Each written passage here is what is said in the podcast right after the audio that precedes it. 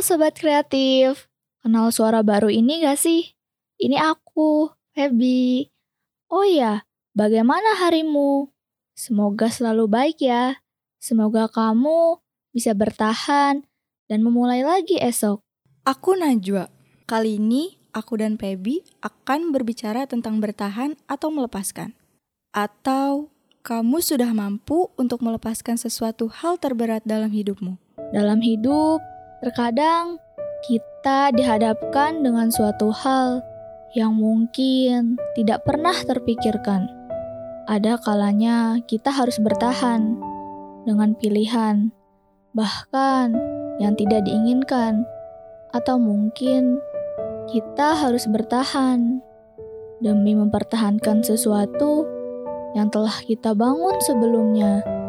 Bertahan melatihku untuk sabar melatihku untuk tetap tegar, melatihku untuk selalu yakin ada hal hebat yang menungguku di akhir.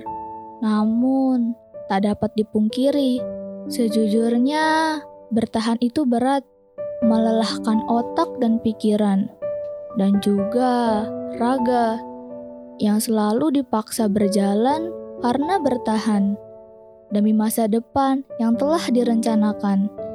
Aku tahu semua akan indah jika kita bertahan, jika kita sabar dengan kenyataan, dan bertahan merupakan pilihan akhir yang sebenarnya tidak diinginkan. Bagaimana dengan melepaskan?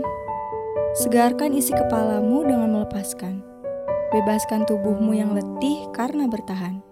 Aku tahu, melepaskan juga merupakan pilihan yang sulit Aku pun tidak ingin membiarkan orang yang selama ini hadir di hidupku pergi begitu saja tanpa ada sepatah kata pun yang terucap.